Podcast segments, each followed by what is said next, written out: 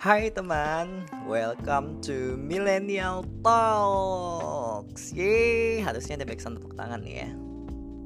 Eh, maksa. Podcast ini akan membahas tentang millennials dilema atau hal-hal yang sering kita jumpai nih sebagai millennials. Gue sendiri bukan expert dan gue bukan seorang ahli jiwa. Gue hanya sebagai orang yang sering dicurhatin dan sering dilema dengan banyak hal. Jadi nih, semuanya hanya opini gue dan berdasarkan pengalaman pribadi ataupun hasil curhatan teman-teman gue. So without further ado, let's get in.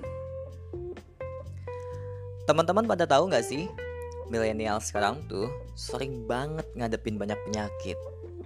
Mulai dari hipertensi, kolesterol tinggi, GERD atau asam lambung, adiktif to alkohol, bahkan penggunaan narkoba.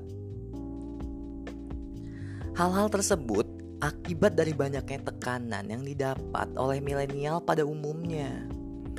Tekanan keluarga, kerjaan, pertemanan, asmara, media sosial.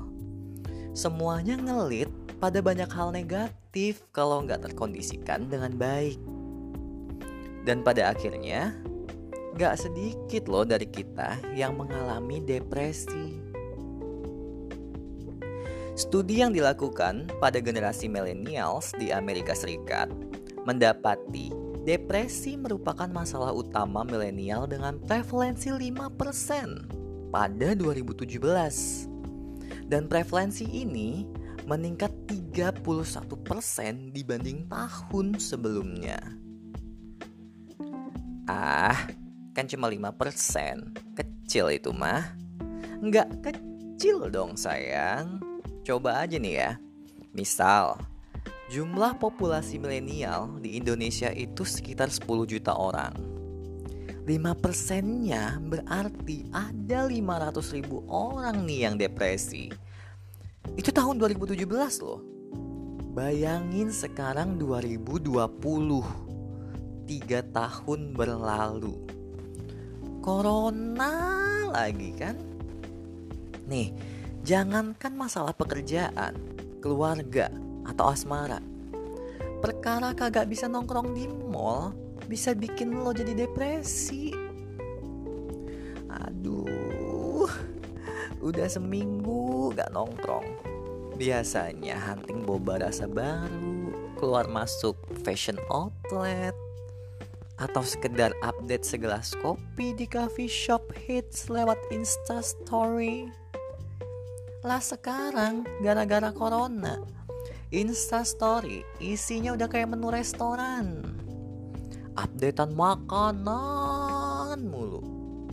Menu sarapan, makan siang, makan malam, cemilan, cepuluh, cebelas lah. Ujungnya apa? Krisis percaya diri cuy. Badan jadi melar. Rambut gak kerawat karena biasanya ke salon. Dandanan out-outan pakai baju itu-itu mulu berhari-hari. Jarang mandi. Jadi, angka 5% itu besar cuy. Dan itu jadi konsen kita bersama sekarang. Emangnya depresi itu apa sih? Nih ya, kalau berdasarkan pendapat ahli, ini gue kutip dari Pak Kaplan nih. Pak Kaplan dari Jawa Tengah kayaknya ya. Yang bilang, depresi adalah satu masa terganggunya fungsi manusia yang berkaitan dengan alam perasaan yang sedih dan gejala penyertanya termasuk perubahan pada pola tidur dan nafsu makan, psikomotor, konsentrasi, kelelahan, rasa putus asa dan tidak berdaya, serta nih yang paling parah nih, bunuh diri. Bahaya kan? By the way, paham gak nih para kaum rebahan? Hmm? Paham lah ya, bahasanya kan mudah, gampang dicerna. Jadi, Depresi itu penyakit bukan sih? Depresi, kecemasan, panik, bipolar, semuanya disebut mental illness karena memang itu merupakan illness atau penyakit. Tapi sayangnya banyak orang di Indonesia khususnya yang antipati cuy sama kata-kata sakit mental. Pasti nih otaknya itu langsung bayangin rumah sakit jiwa. Bibirnya tuh kayak bergetar gitu ingin nyinyir. Alah orang gila aja lah segala mental illness mental illness so Inggris. Nih ya, kalau gue ketemu orangnya gue tabok nih. Padahal sakit mental di sini tuh maksudnya ketika kita tidak bisa berfungsi secara optimal sebagai individu. Entah karena sedih, bad mood, marah, atau kecewa. Sayangnya nih, banyak yang belum bisa menganggap depresi sebagai penyakit layaknya penyakit fisik. Contoh, contoh nih ya. Lo boleh nih gak masuk kerja dengan alasan izin sakit kepala tapi lo nggak bakal boleh cuy izin karena sakit hati makin sakit hati kan lo jadinya sama bos lo hmm, maaf ya bos diomongin. Mereka nih nganggepnya depresi itu cuma stres berlebih. Yang dialami orang yang mentalnya lemah dan imannya tipis.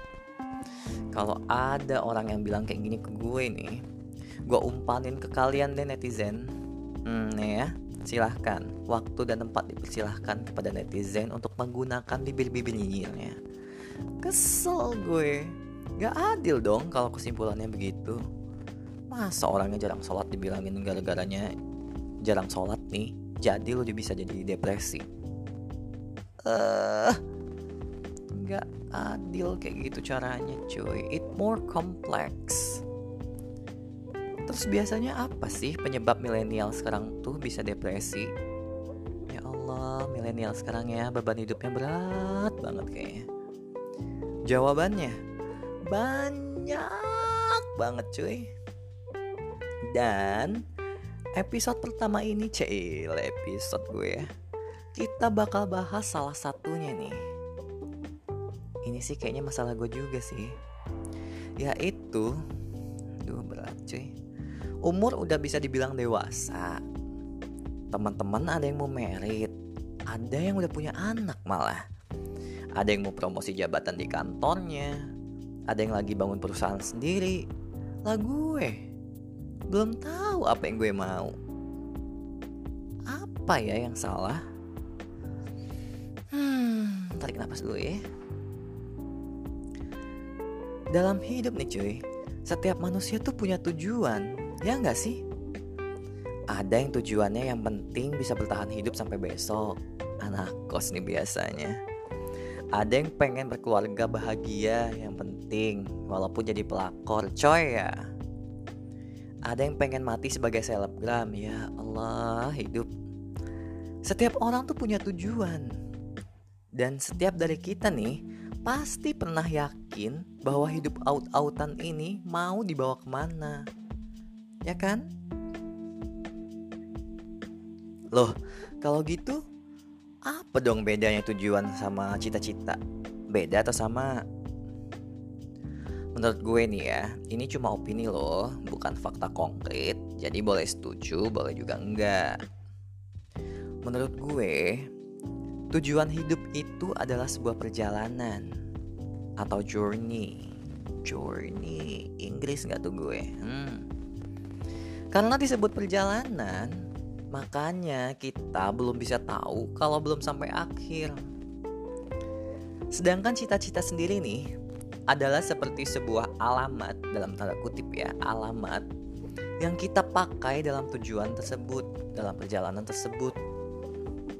Jadi, makanya kenapa pada beberapa orang cita-cita yang diperolehnya tidak cukup membuatnya puas karena ia menganggap itu bukan tujuan. Nih, ada nggak temen lo atau lo sendiri nih ya, yang dulunya bercita-cita misal jadi dokter dan sekarang udah jadi dokter. tapi masih suka bingung. Tujuan lo hidup sebagai dokter apa sih selain kerja di rumah sakit nyembuhin orang yang berobat? Ya enggak? Ya gitulah kira-kira. Lalu apa jadinya saat lo misalnya ngerasa nggak tahu mau ke mana, nggak yakin mau ngeraih apa dalam hidup? Ah, ya Allah. Bahkan, nih ya, kalau lagi kumpul-kumpul, bahasan teman-teman lo udah mulai serius nih bahas tentang kehidupan, lo ngacir, lo mulai males nimbrung. Aduh, lo berpikir nih ya kayak, alah nih anak-anak kayak hidupnya udah bener aja. Padahal lo cuy yang kagak bener hidupnya. Hmm, sadarkan lo sekarang. Nah, kalau lo sekarang lagi di posisi itu, gue cuma mau bilang sih, duh berat banget pada mau gue bilang ini. Tapi harus gue bilang. Selamat! Karena lo gak sendirian cuy. Dunia lo gak akan runtuh Walaupun lo lagi kesesat. Gitu kira-kira cuy. Nih gue pernah nonton channel youtube-nya Boy William Waktu itu Boy lagi wawancarain Maudi Ayunda nih Ya Allah cantik banget tuh Maudi ya Tahu dong kalau sekarang Maudi yang lulusan Oxford lagi lanjut S2-nya di Stanford University. Itu otak kebot dari apa? Ya dulu mak bapaknya dia ngasih makannya apa gitu. Tapi di episode tersebut Maudi juga bilang bahwa dia bah gue bahwa dia pun lagi cari nih apa yang dia pengen dalam hidup dan dia belum ada rencana lulus S2 mau jadi apa. Nah, kalau lo ngerasa nggak tahu mau jadi apa dan mau dibawa ke mana, selamat cuy. Kita temennya mau di Ayunda. Bedanya dia, dia, tuh di Inggris, lo di sini hmm, berkutat lo di dalam kamar kos lo yang sempit. Kata Maudi nih, ternyata mimpi itu memang wajar kalau berganti-ganti. Sama halnya dengan tujuan hidup itu tadi. Ya, namanya juga hidup ya kan banyak surprise-nya. Bahkan kadang yang udah rapi banget kita rencanain bisa meleset atau bahkan gagal. Wajar kok. Termasuk saat lo ngerasa nggak punya tujuan hidup. Ini tuh salah satu fase yang harus lo laluin. Hidup tuh terus-terusan dijejelin hal-hal yang gak pasti. Dan lo, ataupun gue, bukan Tuhan yang bisa ngendaliin semuanya. Jadi, momen kehilangan tujuan, kegalauan hidup, semuanya itu bagian dari perjalanan itu sendiri. Syukuri aja, pelajari, jalani. Kalau lo gak punya tujuan, coba berhenti bentar. Tarik nafas panjang. Jangan lupa hembusin cuy nggak lo hembusin dapat tujuan kagak mati iya lo ya terus bilang ke diri lo sendiri bahwa lo cuma manusia biasa lo nggak bisa memastikan masa depan pengalaman pribadi nih ya itu berhasil loh nenangin diri sendiri ya tapi harus berkali-kali dulu dialog sama diri sendirinya. Dengan mengambil jeda dari kesibukan kita kayak sekarang nih mumpung corona banyak waktu nganggur kan lo? Sering-sering deh dialog ke diri sendiri. Cari nih petunjuk dalam diri sendiri atau dari orang-orang sekitar lo. Siapa tahu nih ya orang lain di sekitar lo yang menemukan lo cuy dan mengajak lo ke arah yang bener jadi selama ini lo tuh di arah yang salah gitu ceritanya. Gak mudah kan ada di titik ini tuh. Emang Sulit. Waktu kita ngerasa hal-hal nggak jelas dan tujuan kita jadi buram dan suram madesu nggak tuh? Tapi gue juga nggak akan dengan enteng bilang jangan stres deh jangan depresi. Karena kan kekuatan mental tiap orang tuh beda-beda semua orang juga struggling dengan masalah kepastian dan tujuan hidupnya masing-masing. Tapi sebagian dari mereka emang gak nunjukin aja jadi kelihatannya baik-baik aja. Apalagi milenial sekarang nih. Kebanyakan info kita itu teman yang gosip lah, akun gosip di Instagram lah, teman-teman yang berasa selebgram lah update terus sampai titik-titik tuh instastory seolah hidupnya sempurna. Mau nggak mau kadang itu menggiring opini pribadi untuk membandingkan dan akhirnya meratapi hidup sendiri. Kayak ya Allah hidup gue kok gini banget ya. Padahal hidup lo tuh baik-baik aja. Nih gue kutip kata-kata dari W. Clement Stone yang bilang sahabat super oh beda ya beda beda W. Clement Stone bilang anda adalah produk dari lingkungan Anda. Maka pilihlah lingkungan terbaik bagi pengembangan pribadi Anda menuju tujuan-tujuan Anda. Analisalah hidup Anda melalui lingkungan Anda. Apakah hal-hal di sekitar Anda membantu Anda menuju sukses atau malah menahan Anda? Bagus ya kata-katanya ya. Hmm. Intinya nih, Segalanya memang bukan ranah kita sebagai manusia untuk memastikan ataupun mengendalikan. Kalau lo nggak tahu mau ke mana, jangan lupa ambil jeda dan jangan salahin diri lo sendiri. Lama-lama lo bakal paham bahwa yang mampu menyelamatkan lo ya diri lo sendiri dan juga kelapangan hati lo dalam menerima keadaan yang gak bertujuan itu. Coba encourage diri lo sendiri. Keberanian lo untuk kembali jalan dan mencari tujuan lagi. Aman ya? So, mari sama-sama berdoa untuk kebaikan dan kebahagiaan kita semua. Semoga ocehan cadel dan cempreng gue ini sedikit lift up semangat lo dalam menghadapi hidup yang suka gak pasti ini. Gue tutup episode kali ini dengan kata-kata dari Pak De John Lennon. Pak De gue nih, kemarin baru nikah sama Bude Siti. Pak De John Lennon bilang, Everything will be okay in the end. If it's not okay, it's not the end. Tetap semangat, jangan lupa mencintai diri sendiri, dan sampai ketemu episode selanjutnya.